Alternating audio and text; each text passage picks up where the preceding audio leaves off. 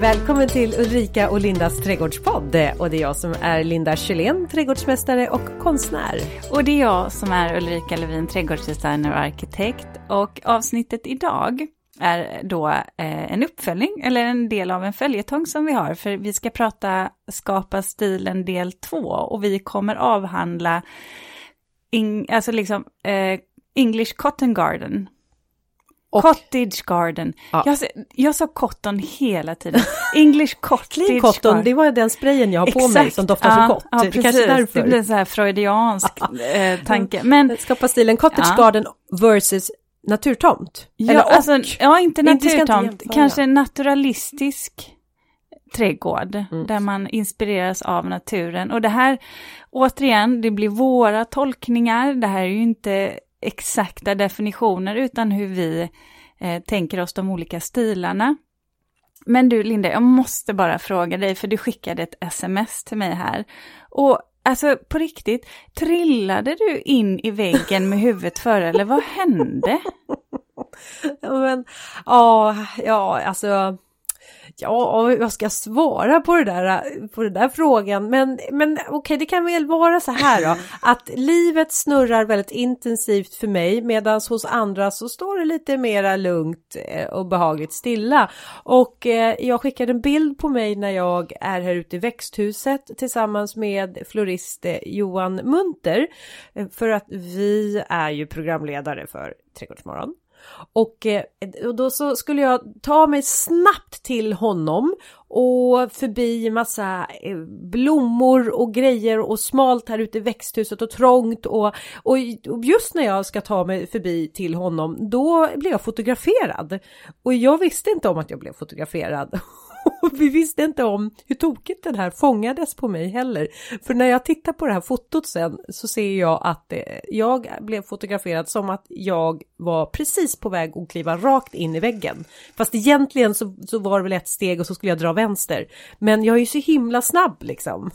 Ja, jag- uppenbarligen, för jag bara tänkte, nej men vänta här nu, trillade du på riktigt? På riktigt in i väggen. Nej Ja. men jag, jag fixade, jag fixade, eh, det var ju en dörr där också fast det var ju bara en attrapp. Ja. Det var ju bara en till, stängd så att eh, Ja, och filminspelningar är farliga. Ja, de är farliga. Det, det ska ju gå undan ibland, vet du. Action, säger de. Och så ska man vara på plats. Och då gäller det att ta sig igenom väggar. Ja, det var ju köra. Ja, ja jag bjöd på ett gott skratt där. Jag Mm. får se om jag kan lägga ut den bilden, för den är ganska rolig. Ja, Jag fnissade. ja du fnissar. Mm. Ja, ja nej, men då vet vi att jag har tagit mig igenom väggar. Och har du, har du gjort? Vad har du tagit dig igenom den här veckan? Eh, massvis med jobb. Och sen har jag faktiskt tagit, igenom, tagit mig igenom en tv-serie. Eh, S- SVT går den på, Atlantic Crossing. Ah, ja, du har just också sett den. saying Atlantic Crossing. Ja, jag tyckte den var jättebra. Har vi inte pratat om det här och tipsat varandra om det här? Har vi bara fastnat för samma serie sådär? Jag tror vi har fastnat och kanske Mm. att vi har nämnt det, för jag, jag är väldigt svag för hon, eh, hon som Sofia. spelar. Ja, Ja. jag tycker hon är duktig. En del säger att jag är lite lik Sofia. Ja, det kanske du är. Ja, jag tar det Snygga som en båda stor, två. Ja, jag tar det som en stor Ja. komplimang. Jag tycker också väldigt bra om henne. Men Ja. alltså vilken, och den är så välproducerad. De lyckades ju få en spänning i den. Och, Ja. och jag, tyck, jag kan tycka att det är så skönt när du vet när man har när den har mycket jobb som jag har haft nu, att ändå ha någonting sådär, om man hinner någon kväll bara slänga sig i soffan och bara gå in i någonting helt annat, och bara släppa telefoner och allt annat och bara, bara liksom sjunka ner i, eh, i en tv-serie eller film. Då kan man ju nästan ta det som en termostat på hur bra är, säger man termostat, men alltså, ja, ni fattar. Eh, hur bra är filmen? Är det så att den fångar en som man bara, jag glömmer allt annat för jag är så fokuserad på vad som händer för det är så spännande. Mm. Eller eh, börjar man att sväva iväg på annat och helt plötsligt så försvinner man iväg och börjar tona håret kanske. Eller man Plockar upp mobilen. plockar upp mobilen Mm. kan man också göra. Men inte när det gäller Atlantic Nej. Crossing. Nej, Nej. verkligen inte. Nej, den, där är vi rörande överens. Ja. Mm. Hörru, Ja. eh, vi går på dagens ämne. Om jag säger cottage garden, Vad, vad tänker du på då? Oj, nu dök det upp Laura Ashley för mig. Mhm. Ja, och, och där är ju inte, jag gillar ju Cottage Garden, men jag gillar inte det pyttinuttriga. Men är det där att det är så mycket blommigt? Ja, och det gillar ju jag i och för sig och det känns som att det är en väldigt vänlig trädgård. Men en Cottage Garden är, när jag har lite läst till om det här också, är ju en trädgård som syftar på de här traditionella trädgårdarna som eh, ofta låg i närheten till alltså lite större gods eller eh, lantgårdar eh, i England där de som jobbade på de här godsen kanske bodde och sen så hade de eh, sin egen eh, lilla täppa där de odlade främst liksom inhemska växter eh, med grusgångar som kantas av perenner som får fröså åt sig. Men också att eh, de här cottage garden innehåller även ätbara grönsaksodlingar. Mm. Så det är väl jag och jag kan ju när jag liksom funderar lite på det så ser jag en likhet mellan egna hemsträdgårdarna. Mm. Men att jag tänker att egna hemsträdgården för mig är mera en eh, lite mera Strukturerad. strukturerad. Ja. Just så. Den är inte Mm. riktigt lika romantisk Nej. som en eh, cottage garden. Och, och det är väl egentligen här som... Eh, det, kan, det är nog det här som gör att den här stilen är den som jag har jobbat absolut minst med. Jag Ja. fixar inte riktigt den som designer för att den, det här är ju en trädgårdsstil som är more is more. Men finns det ens något att designa i en kort, Nej, alltså det, tänker ju, jag. nej, det är ju den mest informella trädgården en kan välja Mm. egentligen. Eh, det finns ju, jag tänkte säga, det finns ju ingen struktur alls.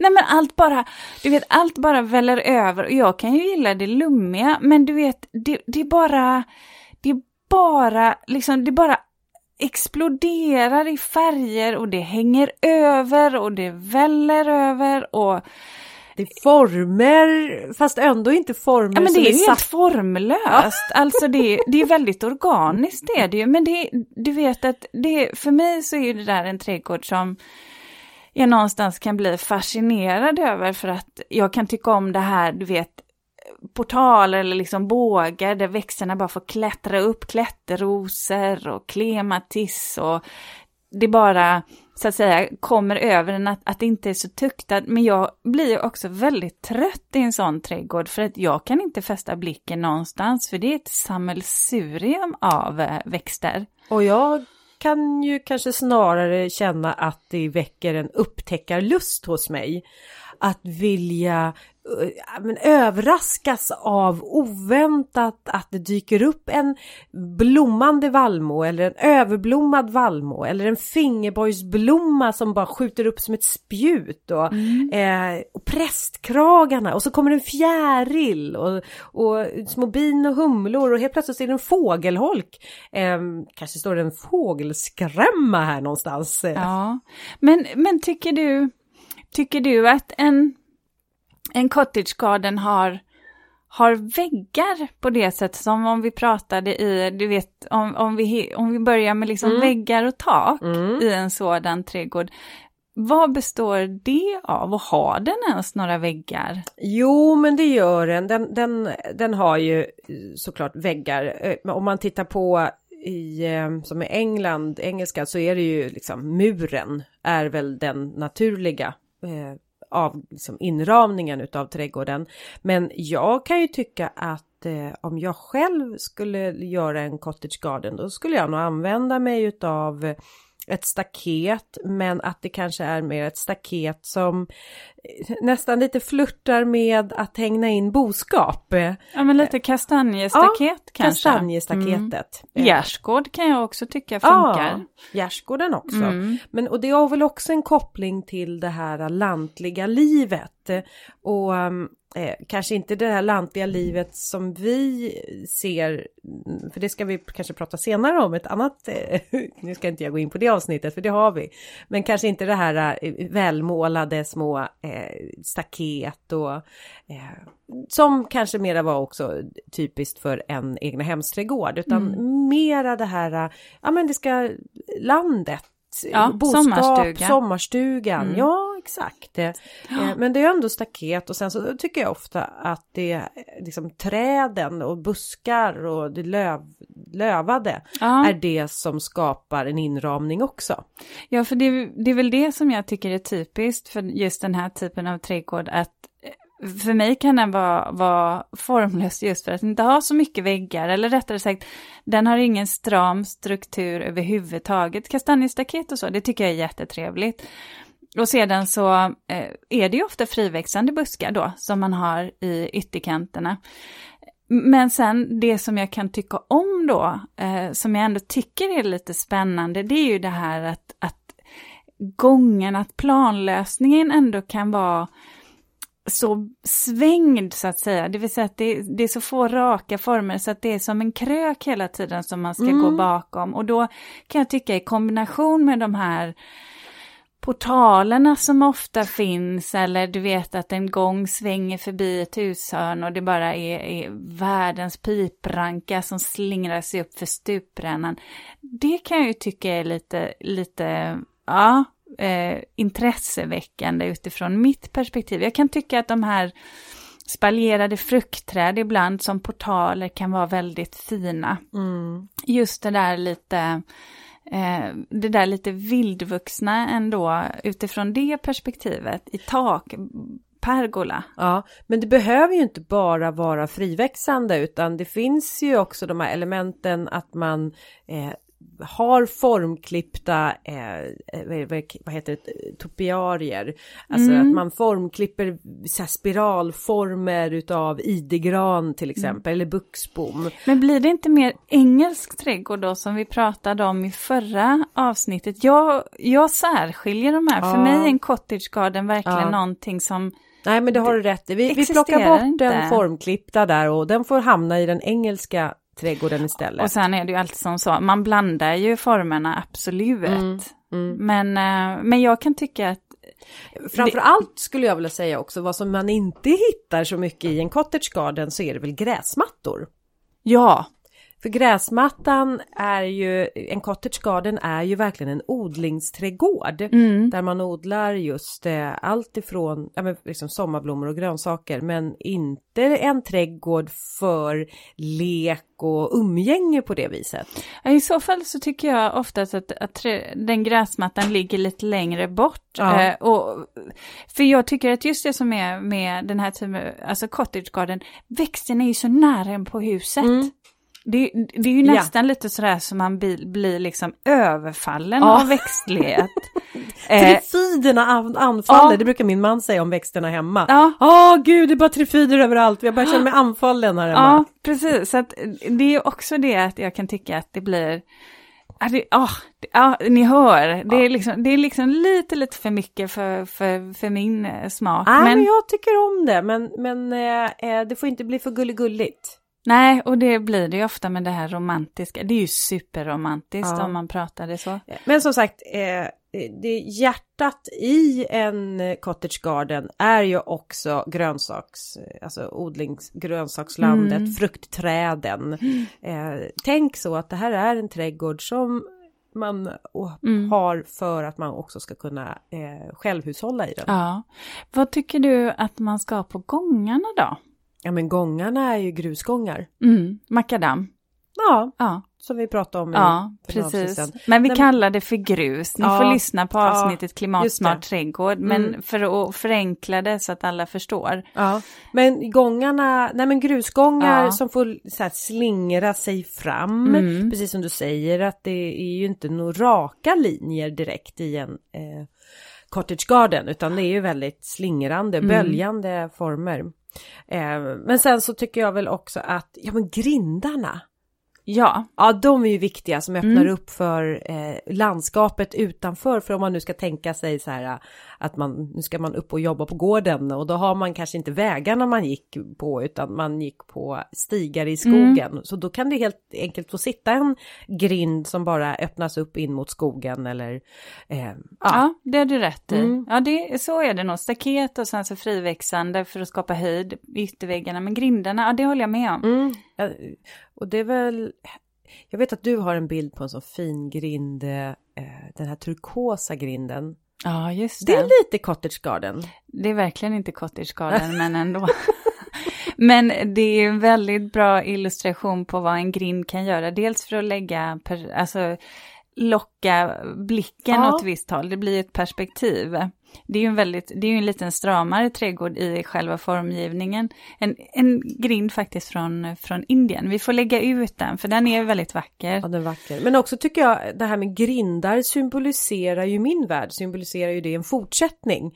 Också em, öppna upp och gå vidare. Mm. Och om det ändå är så att mm, det är bara en grind, en attrapp eh, i staketet så är det ju ändå någonting som väcker fantasin Mm. och, och lura sig lite sådär. Så att eh, grindar är ju eh, centrala skulle jag också säga. Ja. Och Ja, det. sittplatser behövs ju, men det Ja. behövs ju i alla trädgårdar såklart. Men, men olika sittplatser som ja, man, man får... ehm, Jo, men jag uppfattar att, är det inte många gånger så att de, de bara dyker upp Ja. vid en gång och sen så sätter man sig, en soffa för två, Ja. typ. Ja. Eller liksom ett bord för kanske två, max fyra.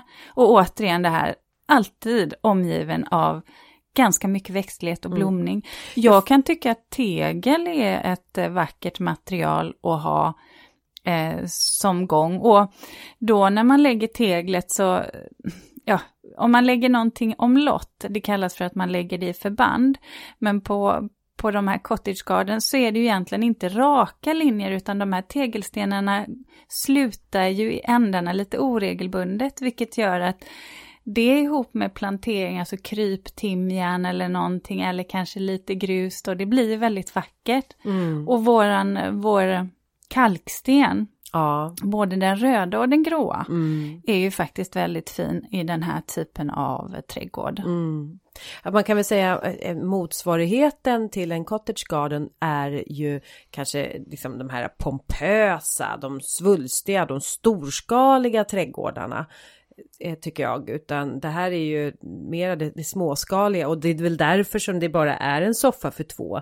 Därför att det här är ingen trädgård som inbjuder till liksom stora fester eller att man ska liksom eh, sitta och äta liksom tio personer i trädgården utan de är, det är nästan lite på gränsen till koloniträdgårdar. Ja, och så kanske man har någon uteplats på, på baksidan av huset eller du vet, vid utgången där. Men annars, framsidan tycker jag ofta handlar om att det, det är mycket, det Och är så- mycket växter. Ja, och, och jag ser ju också så här lite, ja, huset i sig som du precis vi pratade om, det vävs ju in också, men det kan ju gärna få vara lite sticka iväg i lite eh, kanske pastelliga färger. Alltså man kan ju också Mm. ha använda sig av huset som en del. Om nu det är så mycket blommande växter så blir huset också en del utav den stora eh, blomningen.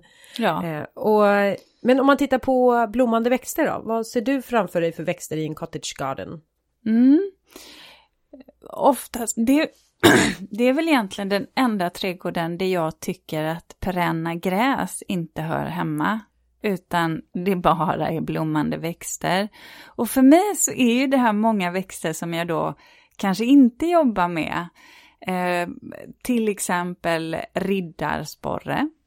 Det är ju en sån växt. Mm. Ja. Eh, en sort som jag tycker är fin där, det är ju Sunny Skies. Den är ju ljusblå. Just det. Jättesöt till exempel med, du vet, eh, Scabiosa perfekta, alltså höstvädden perfekta. Det blir ju en väldigt fin kombination. Ja, Och kanske också, ja men du vet, olika typer av blåklockor, mjölkklockan, Loddon Anna tycker jag är fin. Eh, ja, men pioner, Ja. trädgårdsstormhatten, Sparks Variety, det är så här liksom lite mörklila, nu pratar jag lite högre växter. Också väldigt giftig växt, Ja. ska jag säga. Mm, mm, mm, ja. Mm. Fingerborgsblomman kan vi ju slänga in då också. är ju liksom, den är ju given Mm. i den här typen Ja, av verkligen, trädgården. verkligen given. Trädgård. Eh, ja, men rosor, självklart. Eh, klättrande, busk, whatever. Mm. Men, men också mycket, för mig är det mycket klätterväxter också. Något som du inte har sagt, det är vallmo. Ja, det är inte min favoritväxt. Är det inte? Nej, eh, vilt kan jag tycka om de här eh, fälten. Ja. Mest för att jag vet att mina barn och jag själv när jag var liten plockade eh, vallmo och blåklint Ja, i kombination. Men- och tyckte mm. om, eh, det påminner mig, doften av blåklint och vallmo någonstans hänger ihop. Men, men annars så, ja, en del vallmo kan ha ganska coola färger, men ibland så kan jag bara tycka att de, de håller sig så kort tid. Men det är kanske jag som har, ehm, Ja, men du får ju se vallmon också som att de är så otroligt dekorativa när de har blommat över. Bara som liksom gröna prickar som står. Där. Mm. Jo, men jag kan se det framför Ja. mig. Det är mest det här att jag ofta tänker på de här Ja men röda och Ja, men- lite rödorange nej, men- och i en cottage garden så är det återigen det blir Ja. ett sammelsurium av färger så jag tror att ja, jag har, ja skulle man renodla att färgskalan är lite mer Ja. harmoniserande så kan jag köpa dem. Ja. Även om de är röda. Men då blir det ingen cottage garden.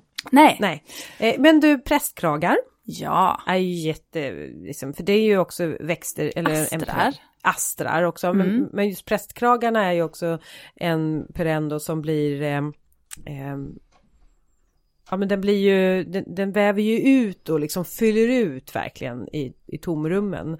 Så den tycker jag väl eh, verkligen. Och sen så eh, kantnepetan. Ja, Mm. ja det är det. Och lav, alltså lavendel, alltså den typen av blommande kantväxter. Ja, mörkbladig fläder. För att få in det röda. Ja, men det skulle man väl absolut Ja. kunna ta. Nu ska vi inte eh, designa så mycket men den, den tycker jag faktiskt är, är väldigt, väldigt Ja. dekorativ. Du sa ju kungsljus också när Ja. vi pratade innan. Det kan jag också tycka är en sån växt. Stockros också naturligtvis. Men det franska kungsljuset, Mm. det, åh vad heter det, det är White, Ja, eh, nej Wedding Candles heter den va? ja, Den hade jag i en idéträdgård en gång och den, alltså den är ju galet snygg. Ålandsroten är också väldigt fin att ha. Åh, den känner inte jag till. Nej, men den, eh, den är som en stor eh, gul Ja. prästkrage. Den ser ut som den där sommarblomman som du beskrev för mig som såg ut som en diskborste fast den här har en större knapp. Ja, Den här är ganska, den här är lite gul, alltså djupgul, alltså Mm. nästan mot det orangea skulle jag vilja säga. blommar generöst och blir Mm. hög. Alltså Mm. den blir över en meter alla gånger. Och Men- det, det och är ju... lockar pollinatörer. Ja. Och jag tänker att en cottage garden, om det var mycket också för att odla, eh, alltså grönsakslandet var centralt, Mm. så är det ju för mig en naturlig koppling till att man också har den här mångfalden utav olika sorters blommor. Därför att det såklart då är gynnsamt för pollinatörer. Mm. Att de har någonting att äta under hela säsongen. Så att man kan väl säga att också att en cottage garden är en, en pollinatörsträdgård. Ja, fast det finns det ju andra som kan bli också om vi bara lägger till det. Eh, jag tänkte så här, det, det var bara det att man inte kunde bestämma sig. vad man vill ha för växter. Man vill ha allt. Men det kanske var så också att man allt. drev, drev upp mycket själv från frö. Ja. Jag vet inte, nu spekulerar Ja. vi, det är Ja, snilla spekulerar. ja. Ja.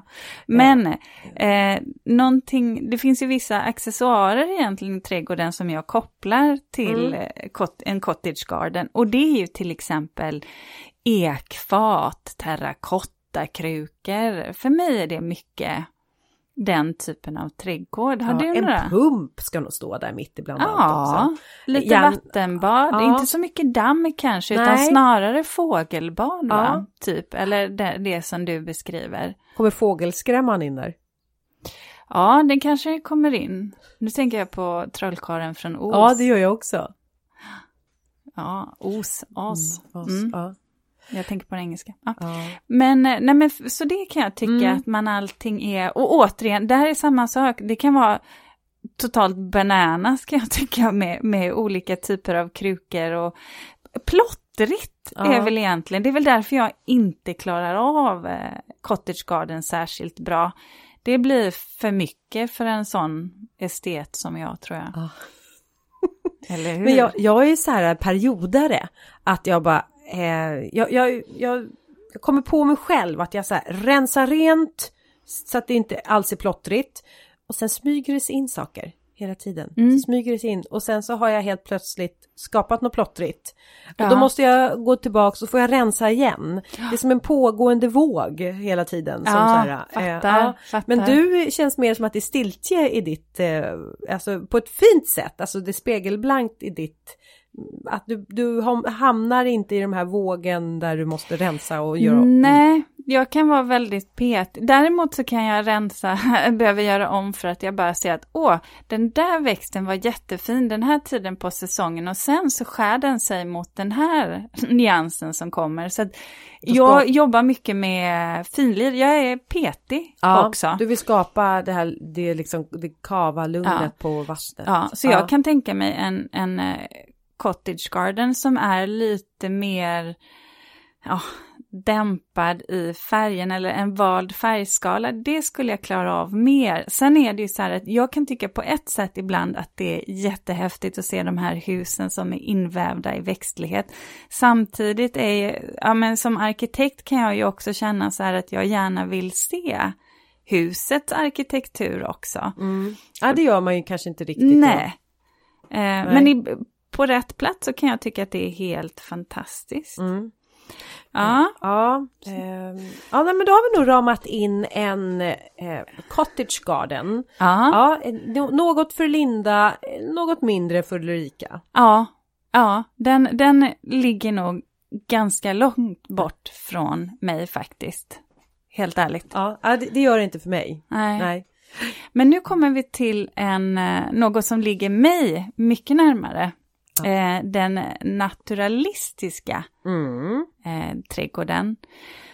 Och eh, då pratar vi egentligen inte, man kan inte enbart säga att vi pratar om att det är en trädgård som är inspirerad av naturen, för vi pratar inte skogstomt eller Nej. eh, woodland på det sättet, utan vi pratar ju snarare om en trädgård som verkligen är skapad av människan, men där man kanske tänker sig att man försöker efterlikna eh, naturen som eh, ja, steppen, ängen, fast ändå mer strukturerad. Och här jobbar man ju med perenner, perenner, perenner, perenner, stora sjok av det, alltså det är stora ytor vi pratar om. Ehm, och då mycket gräs, perenna gräs som kommer. Så här är det ju, ja, många gånger också eh, kanske ytor där man jobbar mycket med sol, alltså där växter som trivs i sol. Prärieplanteringar. Exakt. Mm. Och inte så mycket buskar annat än du vet utropstecken i planteringen el- eller i ytterkanten. Vad, vad är en eh, naturalistisk plantering för dig? Um, nej men jag, jag tänker att det här är ju en plantering på platsens villkor och jag ser också att det här är en plantering som eh, heller inte är så um, kräver så mycket vatten. Utan att man har tänkt till, alltså väldigt så här klimatklok eh, är en naturträdgård eller natur, Mm. Ja, naturträdgård. Och jag ser ju en, det var, alltså vi ser ju lysande, två lysande eh, trädgårdsdesigners eller arkitekter som verkligen är eh, så här, frontfigurer. Eh, den ena är Ulf Nordfjell tycker jag eh, och den andra är, Peter Odulf. ja, Ja, mm, som väl verkligen har introducerat den här stilen och är en inspirationskälla. Han har faktiskt skrivit en jätte, han har skrivit flera böcker, men eh, en som jag har och som jag har läst, det är Planting the Natural Garden. ja. Det här var en av de första böckerna som jag köpte när jag började eh, arbeta med det här som trädgårdsdesigner. Eh, och det som jag tycker att man också då ska tänka på när man har den här typen, eller det som jag tycker är tacksamt när man jobbar med den här eh, typen av trädgård, det är det att man kan ha ganska strama ytterkanter, det vill säga man kan ha strama väggar för att det här naturlika yviga som sen kommer i eh, planteringarna i perennerna och gräsen, det skapar en så snygg kontrast mot en formklippt häck eller ett formklippt klot eller en fyrkant eller en böljande häck. Vilket gör att det är just det där som lockar mig, det här strama mot det yviga och jag fick en så fin, jag, jag tog det som en komplimang i alla fall. Det var en kvinna som ringde upp mig som ville att jag skulle komma och rita hennes trädgård och hon sa hon hade varit ute på, på Pinterest för att leta spaljer eller staketplank och hon hittade, hon fastnade för ett av mina. Och så sa hon att Nej, alltså jag, jag gillar verkligen det, det du har gjort, för det är det här strama mot det här naturliga, lite blommande, yviga. Och då kände jag så här, mm, oh. vet du vad? Det där kändes bra. Planting the natural garden, that's ja. me. Ja, nej, men jag, ty jag, tycker om, jag tycker om kontrasten. Och sen är ju oftast en sån här trädgård, man behöver inte ha hela trädgården på det här sättet, men det kräver ju att den är, precis som du sa, prärien, steppen, den är öppen. Mm. Det vill säga att den kan vara omsluten runt omkring, men du har en vid där du verkligen kan ta in alla de här höjderna på växterna, färgschatteringarna som kommer i stora sjok och som upprepas.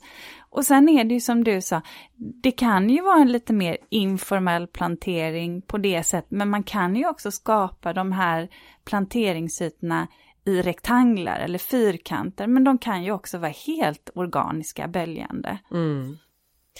Är det inte också så att en sån här naturträdgård, att den eh, också harmoniserar övergången mellan eh, trädgården och naturen? Jo, och jag jobbar ofta så att när man då kanske har en trädgård som, där man ska ha en liten tydligare naturtomtskaraktär, mm. så jobbar jag med en avgränsning, men ju längre från huset desto mer naturlika växter sätter jag in.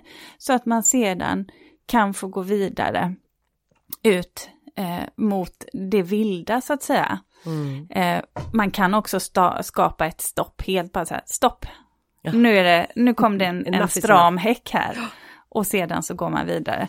Och här kan man jobba både med häckar och plank som väggar, spaléer, vad som funkar, eller bara låta det vara friväxande. Mm, bara att buskar. det försvinner, och också att det bara försvinner ut i utsikter. Oh, ja. Ja, mm. precis. Eh, men är det inte också så att det är också en, en del av grejen att bevara just eh, känslan av naturtomten? Att man kanske inte spränger bort bergen i dagen utan att man eh, snarare åter alltså man planterar svingel eller man planterar de här prydnadsgräsen som snarare får mjuka upp det här berget och klä in berget. Kanske mm. sedum eller fetknopp, eh, taklök. Mm. Eh, jag tänker på eh, mörkbladig kärleksört, det heter en Horpsfröjde, heter den så? Mm. Eh, ja, eh, som också passar in i eh, läget men som också fungerar som mjukgörande. Mm. Och så blir det ju ofta, jag tror att det här blev också en, ja, verkligen med inspiration från naturen, från det vilda. Det här är ju också en jättebra pollinatörsträdgård utifrån det perspektivet, om man inte bara jobbar med gräs. Nej, Men det kan man inte det. göra, Nej. för då blir det tråkigt. Gräsen är ju Gräsen är ju egentligen som riddarsporrarna är för... Eh, Cottage garden? Ja, det vill säga att de är ju utropstecknen eh, beroende på hur höga gräs man jobbar med naturligtvis. Eh, gångar, där tycker jag att man kan vara ganska fri, lite beroende på hur, hur nära huset vi är. Men gärna natursten. Men jag, ja, betong funkar ju. Om man vill ha, men då stenmjöl. får man... Stenmjöl. gräs. Gräsgångar kan också funka. Mm, klippta gräsgångar. Beroende lite på vad man ska ha för stil. Om man ska ha en stram struktur där det här ramas in eller om man vill ha en lite mer organisk variant. Jag kan jobba en hel del med, med gräsgångar om man kommer en bit ifrån. Mm. Kanske inte heller gångar som man använder dagligdags då måste det vara. Nej, ja precis, för, För då ska så- de ju vara hårdgjorda Ja. nästan. Men träspänger Ja. kan ju också vara väldigt, väldigt snyggt. Speciellt om du har, om du har lite nivåskillnader egentligen i trädgården. Då kan du ju göra små trappor och liksom låta de här eh, gångarna, eh, spängerna då slingra sig igenom eller göra en vid cirkel. Och du vet, hälften då kanske är en hårdgjord gång, hälften kanske är en träspång som bara går ut i alla de här härliga perennerna. Sittbänkarna ser jag framför mig som stora stenblock. Ja. Så här välpolerade stenblock eller jag ser också en, en gammal eh, ek om man nu liksom har en sån som har eh, in, jag vill inte säga fälts för det gör man inte av en gammal ek men om man liksom har hittat någon stam som man då kan putsa till och också göra till en sittbänk. Och olika typer av pergolor eller portaler, men de, kan, de får gärna vara lite stramare i sig. Det kan de ju absolut vara för att du har så mycket kontrast, du har så mycket yvigt ändå i allt runt Mm. Tänker du plåt omkring. då eller tänker du någon Ja, trä. Ja. Trä kan jag Vet du tycka vad, också. jag, Ulf Nordfjell, han gjorde något, eh, har gjort så himla snygga just sådana här eh, väggar eller avgränsningar i sina trädgårdar, många utav de här visningsträdgårdarna han har gjort. Och då använde ju han timmer, Mm. timmerväggar, Mm. rejäla sådana. Ja, Det har jag tyckt var så här lite, ja, man vet inte om man går in i ett hus mm. eller om det är en avgränsning av ett plank. Och det där är ju att våga gå upp i dimension. Ofta så tycker jag att de här planken, ja men de är så rackliga. De är alldeles för klena. Vi pratar ju om att vi är utomhus. Du har inga definierade väggar, du har inget tak. Så att vi har ju så stora ytor, så där kan man väl rent generellt säga att de flesta skulle må bra av att gå upp i lite storlek, lite Ja. dimension på virket Mer också. timmerväggar i trädgårdarna. Eh, ja, eller kanske inte, men, men i alla fall tänka på det som att eh, det faktiskt får vara en konstruktion, inte för klent Nej. Eh, i dimensionen på virket. Mm. Eh, vad har vi mer? Eh, Tänker vi på träd då? Om man nu ändå, alltså Ja. visst nu säger vi att det är prärieplanteringar mera som ska vara öppna och soligt och man har formklippta till exempel avenboks, eh, em, per, eller eh, avenboks eh, bersåer kanske. Och, men jag tänker på träd. Eh, om man ska nämna några träd, vad, vad skulle du säga om till exempel tall? Nej, det skulle jag inte säga alls. Alltså? Nej, så jag tycker att det blir jättesvårt att jobba med dem med perenner. Alltså det får ju vara verkligen i ytterkant. Ja. Det är svårt att ha det bland alla perenner. Alltså st- stepp och tall eh, hänger ju inte riktigt ihop.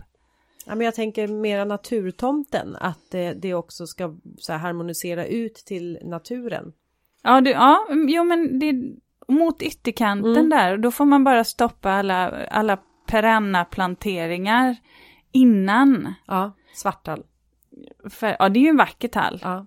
Den, eh, den tycker jag är jättefin. Men, då men får, då- man då kan inte ha den i planteringarna för då Nej. blir det alldeles för su- surt pH-värde Mm. för, för de här typerna av blommor.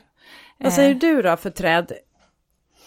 Men ofta så tycker jag att träd får ju komma lite längre ifrån. Pratar vi en liten trädgård så kan man ju välja vad som helst, ett körsbärsträd eller någonting liknande.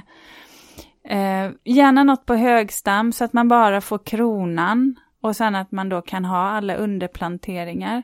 Men, eh, men mycket, för mig är den här naturlika planteringen, då handlar det egentligen mycket om kanske ja, perenner och gräs, alltså stora ytor där det inte är så mycket träd och buskar. Däremot ytterkant eller vid, vid häckarna där man har sina avdelningar, definitivt. Men då, då tycker jag ju nästan att alla träd som vi har pratat om skulle funka, bara det inte blir surjord eller att man då sätter dem för nära. Björkar? Himalaya-björken? Jättefin, men samma sak där. Då måste man ha slutat med perennerna innan och så får man skjuta Himalaya björken lite bortåt och kanske ha vildäng där. Mm. För de suger ju, men det är ju ett helt fantastiskt Ja, träd. eller snövit bark. Ja, jättevackert. Och- Och det är lite så, det kan man gärna jobba med. Det är nästan lite som, ah, inte engelsk park skulle jag vilja säga, för det är det inte alls, men ungefär som att man har de här stora öppna ytorna och sen i, i, i fjärran, Ja. långt bort i Uff. trädgården, då ser man sina träd. Eller som sagt en Himalaya-björk, bara för att den har en helt fantastisk stam. Det blir Mm. ett blickfång och då kan man ju ha ett perent, lite torktåligt gräs runt omkring det om man nu vill inte bara ha en vildäng. Men okej, men då- pratar vi så mycket om perenner. Vad, vad tycker du då är liksom fem måste-perenner i en eh, eh, natur, naturlig trädgård? Ja, men då är det echinacean, Ja, eh, rudbäcken, vad heter den? Ja, Eller- ja. solhatt. Solat. Eh, och sen så tycker jag också att eh, blodtoppen, Ja, fin. den är fin ja. Salvia, Mm, kransveronika. absolut. Och sen kan jag tänka mig fläckflockel också. Och temynta. Ja, nu kom temyntan. Ja. Ja, ja. Eh, så älggräs? Nej, det Ja, kanske är- jo! Ja, ja. Och rosenflockel. Ja, det är egentligen fläckflocken också Ja, där. just Den det. Kan, det finns Mm. en sort som heter, Plym- som kallas för båda. Ja, plymspirean eller astilben. Kräver ju lite mer fukt Ja. så kanske inte, går inte ihop med de här andra. Nej. Men höstvädren är ju jättefint. Det, Ja. det, det man någonstans vill få, få in det är ju den här känslan av eh, alltså spiror Mm. och sen de här lite korgarna som kommer som fläckflocken och som vi sa höstvädren till exempel. Knapparna. Och sen de här lite vävarväxterna som blodtoppen. För det är ju ganska, det är ganska många växter, det är ganska många perenner som man ska få in så att det gäller ju verkligen tänka till hur man sätter dem. Så att man låter dem upprepas. Även om det inte är helt symmetriskt så måste upplevelsen ändå bli det. Så att man inte bara får ett blått hörn och sen så händer ingenting här borta i andra hörnet. Utan det måste någonstans det bygger på repetition ganska mycket faktiskt. Och ska man plantera så här stora ytor, jag vet när när jag varit ute hos kunder, vi kanske haft, du vet, två, alltså liksom flera tusen perenner som ska sättas. Och då är det ju så att då behöver jag nästan göra ett rutnät först. Eh, och sedan så, ja men du vet nästan som man sprayar eller markerar ut att här ska vara en grupp med Mm. echinacea, här ska en grupp med salvia vara och sen så får man nästan ställa sig ibland på en stege bara för att, att få det här, eller på övervåning för att få det här ovanifrån perspektivet, Ja. blir det bra? Ja. Och får jag säga en liten, Mm. bara en parentes där? Eh, för nu vaknar husfrun i mig. The Housefrau. Ja, och ja, precis, housefrau. Jo, men du sa spraya. Men jag tänker att eh, ett eh, bättre sätt eh, att måla i trädgården, det är att måla med mjöl. Ja, Mm. det går också alldeles utmärkt. Ja. På något sätt så måste man ändå lösa det. Ja, men måla med mjöl, testa Ja. det. Det, Mm. det är super. Ja, Mm. och då... Men har du några sådär perenner som du tänker på att, ah, det där, Nej, men nu sa vi många, men jag tänker också på höstsilverax.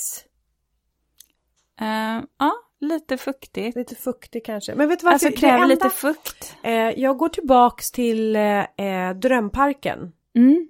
Det är där jag, salvia.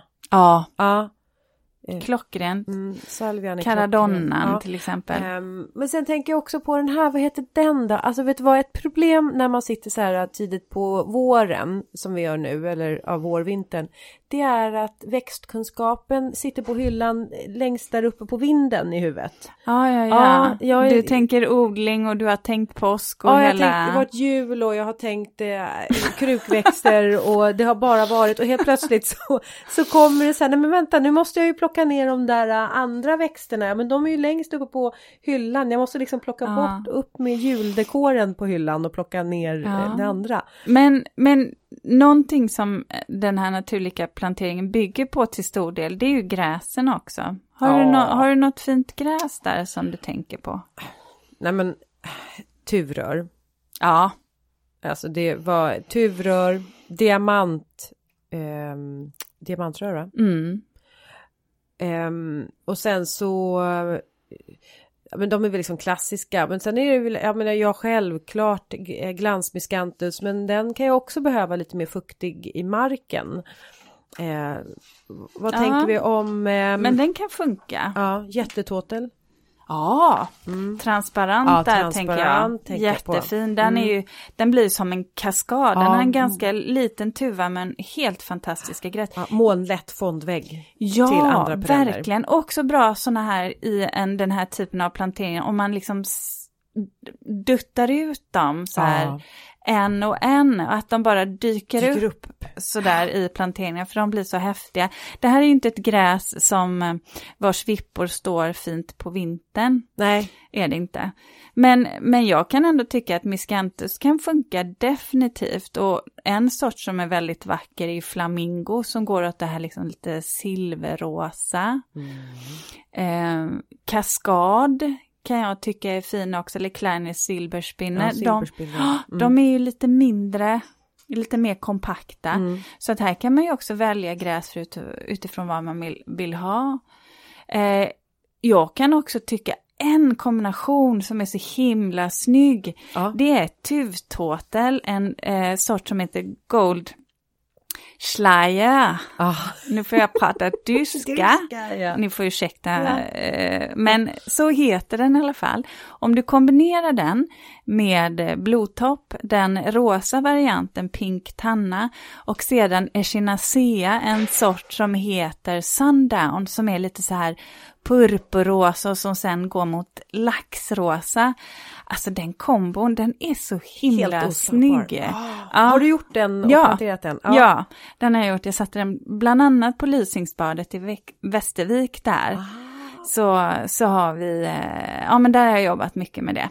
Ja, äh, det, är så, det är så galet snyggt så att eh, ja, det, det är väldigt, väldigt trevligt. Mm, det låter som en, eh, en god, god meny. Ja, och nu tog vi lite höga gräs, men vi har ju faktiskt också, eh, eh, vad heter den, glansälväxingen där, men den Ja. sa du va? Nej, den sa, inte- sa aldrig jag. Nej, Eh, glansmiskantus var det du sa. Ja. Mm. Det var förra programmet tror jag vi pratade. Men den är ju snygg. Och så här kan man ju jobba också då. Den går ju åt det lite mer grå, alltså gröngrå. Och där kan man ju bestämma sin färgskala. Har man väldigt soligt så är ju det här silvriga, lite gröngrå, lite violetta också väldigt snyggt. Mm. Så att man tisterlika växter kan Ja, ju också vara. tistelika, martorn. Ja, Alltså, den- och den får ju exakt. liksom så sig lite som den vill, den kommer upp som stjärnor. och då kan du ha, har du den typen av färgskala då kan du ju ha, du vet, havton. Perovska. Som, eh, ja, jättefin. Men man kan ju också ha då, ehm, vad heter den, hav, eh, nej, jo havtorn, du Ja. vet hikull. ja, Och som du sa, klipper som bollar. Vad är alla dörrar bara går alltså upp? alla dörrar bara, det blåser ganska mycket ut och vi sitter ju i det här gamla, gamla huset så att om det knarrar en massa så är det de här gamla dörrarna. Ja. Men det är lite charm över det också. Ja, tack Ja. och lov är det i alla fall tyst. För någon gång när vi spelade in så, så trodde jag att jag skulle bryta ihop. Ja. För att det kom folk hela tiden och sen var det någon som ställde sig med röjsåg precis utanför. Till slut så, är jag bara, jag sa vi får, vi får börja om. Du fick rädda mig där för jag bara så här, jag var så frustrerad så jag trodde Då- att, mucka inte med mig nu för då, det smäller alltså. Idag har vi bara fått en leverans av skottkärror. Ja, men det, det hade du faktiskt koll på, så det, Ja. det skötte du väldigt bra, fast vi satt och poddade. Mm. Mm. Peka med hela handen. Ja, mm. Så här, Ja. så här. Men så att det, poängen är väl just det du säger där, att Perovskan som du tog upp, alltså det här är ju viktigt då, jätte, jätteviktigt att man väljer växter som trivs, för det här är ju växter som tycker om, det kanske ibland är lite magrare jord, eh, och där det är lite mer sol, alltså ganska mycket sol, och lite torrare ståndort. Så att det var väl därför jag reagerade på när du sa höstsilveraxer till Ja, exempel, att ja. det blir det blir svårt att hantera. Ja. Men det är väl där, om har man ett träd så tänker jag att eh, då är det under det trädet där man får lite mer skugga. Kan det Så vara? man skulle kunna ha den planteringen. Ja.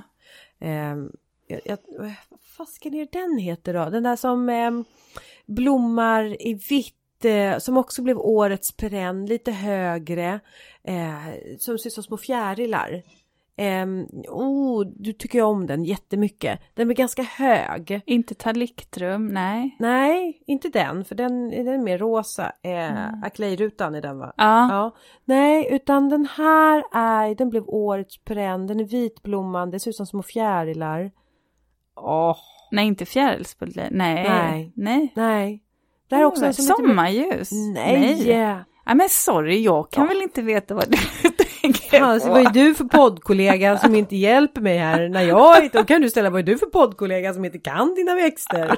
Jag säger att det, jag, jag, får, jag vet vad jag ska göra. Jag ska gå och hämta hyllan på, uppe på vinden. Bokvinden, här, Ja. eller säga, huvudvinden Ja. eller någonting. Jag hämtar Ja. ner den. Ja, så får det nog bli. Ja, jag kommer snart komma på det och kommer bara skrika ut Ja. det och då kommer vara helt fel i, i uh, timing. Men Avslutningsvis då så kan man väl säga att eh, det oavsett eh, både Cottage Garden och den här naturalistiska trädgården så kan man ju absolut ha lökar och sånt i som kommer på, på våren nu. Men eh, ja, jag, mm nu är vi klara med ämnet. Eh, men jag tänkte så här Linda, innan vi tar eh, dagens, alltså veckans reflektion, så skulle jag faktiskt vilja att vi svarar på två lyssnarfrågor som vi har fått. Och eh, en rör eller båda rör egentligen vårt avsnitt om klimatsmart trädgård som vi sände här. Och eh, en av dem handlade ju om eh, vattentunnor, alltså vi pratar om att man samlar ihop regnvatten ja. i tunnor. Då Mm. fick vi en fråga om man samlade i trä så Mm. torkar ju de tunnorna ut Om de står tomma. om de står tomma. Mm. Och då frågade den här lyssnaren, lyssnaren Karina, vad gör ni? Det här är till dig Karina. Mm. Ja. vad gör ni? Mm. Och då eh, kom vi väl fram till att vi har ju olika bevattningslösningar. Du, har ju, du jobbar ju främst med droppslang, Mm, Ja. Droppbevattning. droppbevattning. Mm. Eh, jag själv eh, ska faktiskt komma igång med droppbevattning har jag tänkt mig.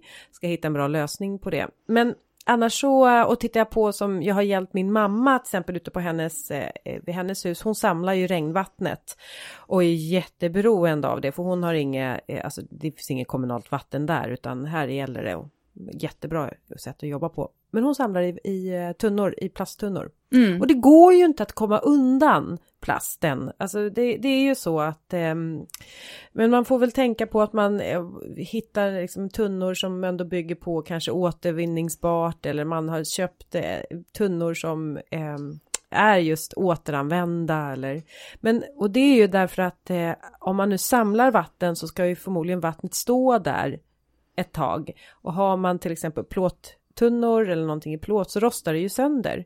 Eh, ja, men, men där är så att det, det är väl egentligen plast som gäller. Men Och trä går ju bra, Ja. men då får man ju fylla på. fyller på hela tiden. Så att den inte torkar Mm. ur. Och jag tycker också, och plasten där, så länge när, när den inte går att använda längre, eh, släng den på, på tippen, Mm. på miljöstationen. Mm. Men jag har också zinkbaljor har jag hemma. Ja, Stora precis. zinkbaljor. Och de, eh, så att jag brukar ofta så här, jag samlar vattnet där och de, är, de räcker för att jag ska göra det så här Eh, sist, eh, du vet så här, man, man bara, oh, hjälp, jag måste, jag måste rädda den växten, bara en skvatt vatten och det kommer göra skillnad på liv och död. Mm. eh, är det. Så Mm. det är väl eh, den, så det är inte så mycket vatten men det är tillräckligt för att hålla dem igång tills nästa Mm. regnskur. Och sen är de ju inte alltid så snygga de där plasttunnorna, men, men jag brukar ofta ställa dem där de inte syns. Ja men vet du vad, det var en, en lyssnare eller i alla fall som följer oss på Instagram som tipsade om att man kan eh, klä in dem med till exempel Engelmansvin, eh, Mm. klätterväxter som är så här sugpropps, eh, eh, hortensian till exempel. Ja. Eh, så att man, för man vill väl kanske heller egentligen inte ha vattentunnorna allt för soligt. Nej. Det blir det all, ja har man dem i, så att man har lock på dem så blir det inte, men det blir varmt och det Mm. blir inget bra vatten. Utan helst lite halvskugga. Och ska man få regn, regnvatten så blir inte lock bra heller. Om man inte ska springa ut och Nej men jag tänker dem. att man kopplar väl an det till eh, Stupröret. Stupröret Mm. ja, Mm. tänker jag. Ja, och så det, Ja. leder man vidare. Ja. Men, Men så, nej, men så, att, så att vi, vi kommer tyvärr inte undan eh, att det är då eh, plast som kanske är det om man nu ska spara vatten. nej, det är ju ändå ett, eh, bra material på många sätt. Eh, Mm. Det är ganska mycket som är gjort av plast som vi, som vi måste hantera. Det är Ja. framförallt när man slänger det sen, Mm. så man får vara lite försiktig. Ja. Jag fick också en fråga. Mm. I en diskussion här när det gäller, jag tog ju upp det här med ljussättningen, eh, att vi ska, ja men dels att det ska, att det påverkar nattlevande insekter och djur, men och att det kan vara störande för oss människor när det inte blir mörkt om natten. Men jag sa ju också att man ska göra åt mindre energi och då fick jag då fick jag ett motargument där de- man då pratar, där den här personen då sa att, ja men vadå, LED-lampor vet Ulrika, det drar ju inte så himla mycket energi. Och det är ju sant. Så om man jämför med våra gamla glödlampor. Men det här är någonting som är lite typiskt när man pratar om när man får uppfinningar som betyder ganska mycket som faktiskt LED-lampan har gjort för att det är ju en energieffektivisering. Eh, och jag tror till och med att de som kanske började med det här fick no Nobelpriset va? Oj, ja. Men, men i alla fall, det finns någonting inom eh, en ekono ekonomisk terminologi eller någonting som kallas för Jevsons paradox och det innebär ju i princip så här att till exempel för LED-lamporna, att när energiåtgången då blir så låg, eh, och det vill säga att vi, vi förbrukar inte så mycket energi, då köper vi fler LED-lampor. Och kanske mer än vad vi gjorde innan när vi hade glödlampor, så den totala energiåtgången blir i alla fall högre. Mm. Och det är ju lite samma sak när vi pratar elbilar till exempel. Om man du, nu gör en revolution och går mot en elmotor istället för en bensinmotor. Om allting, om bilarna då istället blir större, 30% större, som en SUV till exempel, ja då kommer ju den där förtjänsten av att byta till elmotor alltså gå om intet för att framställningen kommer ändå kräva mer, mer Mm. energi eller att bara driva den här bilen kommer göra åt mer energi. Så att Det här låter nästan som en reflektion. ja, Ja. ja men, men så är det. Så att man måste, det går inte bara att tänka så, utan man måste tänka på flera parametrar Mm. samtidigt ändå. Mm. Då har vi svarat på de frågorna. Ja, vad bra. Eh, vad har du för reflektion för veckan, Linda? Eh, och jag tycker alltid att det är så svårt med reflektionerna för att jag, jag, lev, jag, jag inser att jag lever varenda minut och har oftast kanske inte riktigt tid att sitta och fundera på saker och ting. Ehm, men, eh, men något som jag faktiskt har reflekterat över, var tvingats att reflektera över den senaste månaden, det är att veta sitt värde. Därför att när man är som eh, både du och jag är egenföretagare så får man ju hela tiden uppdragsförfrågningar och eh, det är olika budgetar som man ska förhålla sig till och, eh, och då kan det vara jätteknepigt att eh, veta vad är jag värd i just det här uppdraget och eh, vad vinner de på att jag finns med och som en, ja, och liksom med min kunskap och den som jag, det jag besitter. Man ska kvantifiera sig själv. Ja, eller då ska jag liksom, kompetens. ja. och då Mm. får man så här, men vänta nu, vem, och då får man, det blir lite så här större eh, tankar liksom. Vad, vad är jag, vad har jag för kvaliteter som är värda och som är unika Mm. och, eh, och är det någonting som man är villig att eh, eh, liksom betala för inom citationstecken? Och, eh, Har du inte också det omvända där att eh, det ibland också kan finnas en förväntan på dig att du ska bjussa på saker Mm. och ting för att det är för en god sak? Mm. Jag fick en, Eh. en stor tidning som hörde av sig som tyckte att jag skulle sitta och eh, på deras forum och svara på eh, frågor om trädgård eftersom det är så populärt. Och jag eh, frågade lite eh, ödmjukt om ett arvode och fick raskt till svar att nej, det här är kunskap, det ska inte kosta. Mm. Ehm, Vad ska du leva på? Vatten och bröd? Ja, det är väl därför jag är så himla smal Ulrika.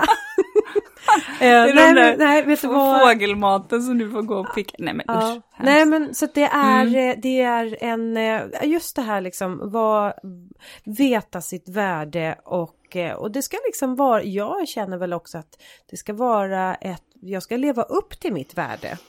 Eh, samtidigt också som jag kände, jag fick en förfrågan om ett annat uppdrag där jag kände bara, det är helt ointressant. Alltså, Mm. eh, och där vet man ju sitt värde, man liksom, men det är inte helt lätt det där. Och, um, mm, jag har reflekterat över det. Ja, och någonstans också kunna skilja på tjänst och person eller sak och person. Mm. Se att eh, ja, det, man kan inte köpa allt och det man köper är faktiskt en tjänst. Man köper inte dig, Linda, privatpersonen. Det där är ju svårt när man säljer tjänst, en tjänst tycker jag. Mm. Det, det är faktiskt lite enklare med en produkt. Det är en, det är en pryl. Ja men en och då kan du ju liksom räkna på så här, tillverkningstid och du kan räkna, du har ju liksom Ja. andra faktorer men eh, ja vad ska man säga här liksom 47 års tillverkningstid eller? ja men fasiken herrejösses måste ju ändå vara ett hyfsat stort värde då. Ja, eller hur? Nej men en reflektion, Eh, reflektera över era värden och vad, vad som gör er till att ni är eh, värda eh, Ja, som kvaliteter. yrkespersoner. Mm. Ja. Mm. Man ska inte leva på vatten och bröd. Nej, Nej. Ja men nu är jag intresserad av att höra din reflektion. Det finns ju ett begrepp som, eller man brukar säga att vardagen är så fylld av tristess. Man säger, ja men vardagen är grå, grå Mm. vardag. Och det här begreppet har jag funderat en del kring för att eh, jag nämnde ju för några avsnitt sen när min dotter blev allvarligt sjuk. Så, så kunde jag känna att jag verkligen saknade den här vanliga vardagen. Mest eh, för att, ja men, en, en vanlig vardag i min grå vardag då kommer mina barn hem från skolan, mm, vi, vi träffas på kvällen, alltså vi gör saker tillsammans som en familj. Jag går till mitt jobb och allting händer. Sen, och jag trivs väldigt bra i min vardag. Eh, och det är inte roliga grejer som händer hela tiden, utan de här småsakerna som ändå är, är mysiga, tycker jag. jag. Jag älskar egentligen min vardag. För det som är, och det som jag upptäckte då på sjukhuset, det var ju det att det är ju ingenting hemskt som händer heller. Och det kan jag känna, det kan jag känna nu i år där det för mig blev, ja, jag fick en riktig käftsmäll privat egentligen. Eh, och någonting som har gjort mig väldigt ledsen och sorgsen. Att det är så, det där att förhålla sig till att livet bara är som vanligt. Jag tror att många kan känna igen sig i det också i den här pandemin som vi har gått igenom, att den där grå vardagen, den är ganska härlig på ett sätt, för den blir så förutsägbar. När man lever i någonting som är väldigt oförutsägbart och där man vet att det kommer innehålla en del sorg, så är det så viktigt att få den där vardagen och att försöka fylla den med, med mycket glädje. Alltså vardaglig glädje. Och jag vet till och med att efter det att min dotter hade varit sjuk året efter så gjorde jag en idéträdgård just om det här. Och det blev väl som en metafor egentligen. Jag kallade den för grå vardag. För att alla färger gick i grått och den var ganska stram. Men den var också väldigt vilsam. Och då vet jag att eh, det var en redaktör från, från, en av, från DN där som sa till mig att det här är inte grå vardag för mig. Och då sa jag, nej det fattar jag, men att vara i någonting som är väldigt hemskt, som är väldigt känslosamt, som det var för mig på sjukhuset, så längtade jag Mm. efter min vanliga vardag. Jag önskade av hela mitt hjärta att jag var tillbaka i vardagen igen. Så för mig så är sällan vardagen grå längre. Jag, det är där jag vill vara, det är där Mm. jag har mitt jobb, mina vänner och min familj och det är där jag trivs. Mm. Um, ja, verkligen, det är så sant. Eh, vardagen just nu tycker jag också att vardagen är den enda som pågår. Ja, Alltså vi har ju, det är ju inte festens eller, men det är klart att sorg finns, men, eh, Mm. men vardagen är ju det som, ja. ja. sen längtar jag efter fest. Ja, Helt ärligt. det längtar Lite party lite skulle jag gärna vilja få in. Och säger lite du? vänner. Ska vi hem och parta med våra familjer kanske? Ja, Ja. gör det. Ja. Tack för att ni har lyssnat. Vi Ja, hörs nästa tack. vecka. Hej då! Hej då! Åh, vad bra. Vill du ha lite... Ja, gärna. Ja, vill du- grå